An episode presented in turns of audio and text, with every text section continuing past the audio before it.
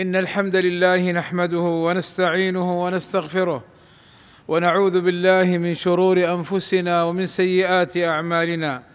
من يهده الله فلا مضل له ومن يضلل فلا هادي له. وأشهد أن لا إله إلا الله وحده لا شريك له. وأشهد أن محمدا عبده ورسوله. يا أيها الذين آمنوا اتقوا الله حق تقاته ولا تموتن إلا وأنتم مسلمون. يا أيها الذين آمنوا اتقوا الله وقولوا قولا سديدا. يصلح لكم أعمالكم ويغفر لكم ذنوبكم. ومن يطع الله ورسوله فقد فاز فوزا عظيما. أما بعد فاتقوا الله عباد الله واحرصوا على طاعة الرحمن. فاغتنموا مواسم الخيرات واحذروا من مكائد الشيطان. الحريص على تضييع الخيرات وخسارة بني الإنسان. عباد الله هذه الأيام العشر الأولى من ذي الحجة فيها مواسم الخير والبركات فحري بالمسلم أن يستغلها بالطاعات واجتناب المعاصي والسيئات والتوبة والرجوع إلى الرحمن. وهذه الأيام العمل الصالح فيهن له فضله ومكانته قال صلى الله عليه وسلم ما من أيام العمل الصالح فيها أحب إلى الله عز وجل وما من عمل أزكى عند الله ولا أعظم أجرا من خير يعمله في عشر الأضحى. قيل ولا الجهاد في سبيل الله. فقال صلى الله عليه وسلم ولا الجهاد في سبيل الله إلا رجل خرج بنفسه وماله فلم يرجع من ذلك بشيء. وقال صلى الله عليه وسلم أفضل أيام الدنيا العشر يعني عشر ذي الحجة. وكان السلف إذا دخل أيام العشر اجتهدوا في العبادة والطاعة. فمن حصل على تصريح للحج فأسأل الله أن ييسره له ويتقبله منه وأن يدخل في قول النبي صلى الله عليه وسلم من حج فلم يرفث ولم يفسق رجع من ذنوبه كيوم ولدته أمه ومن لم يتيسر له الحج فهناك أجر عظيم. ألا وهو صيام يوم عرفة الذي أخبر النبي صلى الله عليه وسلم أنه يكفر السنة الماضية والسنة التي بعده. قال صلى الله عليه وسلم صيام يوم عرفة إني أحتسب على الله أن يكفر السنة التي بعده والسنة التي قبله وصيام يوم عرفة مستحب وليس بواجب إلا أن المسلم يحرص على هذا الخير العظيم. ومن كان عليه دين من قضاء رمضان فلا مانع أن يصوم يوم عرفة ثم يقضي ما عليه من قضاء رمضان بعده. وليس ليوم عرفة ذكر أو دعاء مخصوص بل يشرع لك أن تدعو بما شئت ولا يشرع في يوم عرفة.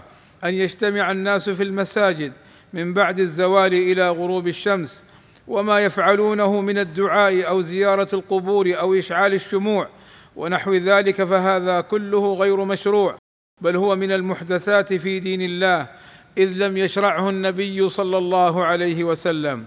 ومن الأعمال الصالحة التي تشرع في العشر من ذي الحجة الصدقة على الفقراء والمحتاجين. وكثرة النوافل من الصلاة مع المحافظة على الفرائض.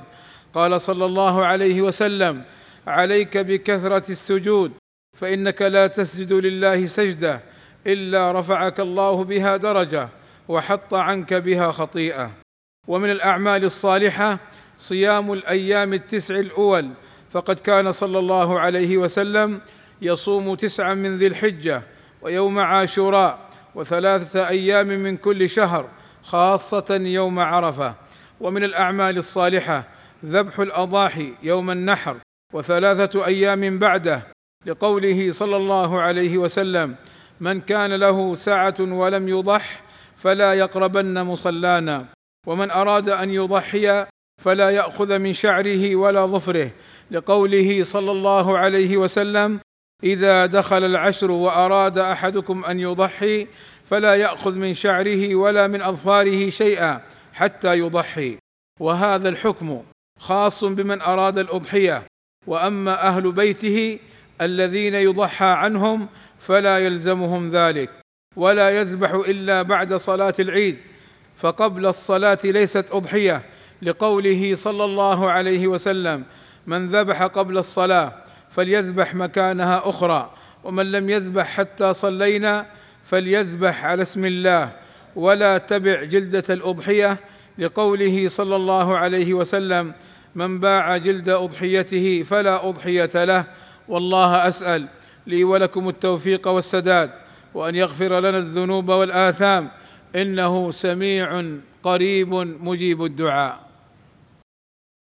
الحمد لله رب العالمين والصلاة والسلام على المبعوث رحمة للعالمين وعلى آله وصحبه أجمعين عباد الله. ومن الأعمال الصالحة ذكر الله من قراءة القرآن والتسبيح والتحميد والتهليل والتكبير. قال صلى الله عليه وسلم سبق المفردون. قالوا وما المفردون يا رسول الله؟ فقال صلى الله عليه وسلم الذاكرون الله كثيرا والذاكرات. عباد الله إن الحصول على تصريح الحج به تنتظم الأمور وتتحقق مصالح الحجاج وحمايتهم مما يضرهم أو يشق عليهم.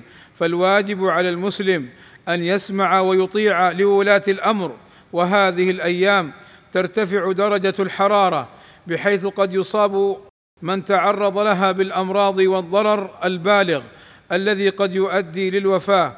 فالواجب على المسلم أن يحافظ على نفسه وصحته قال صلى الله عليه وسلم إن لجسدك عليك حقا وإن لنفسك عليك حقا فتجنبوا التعرض للشمس لفترات طويلة وحافظوا على أنفسكم بسبل الوقاية. عباد الله إن الله وملائكته يصلون على النبي يا أيها الذين آمنوا صلوا عليه وسلموا تسليما.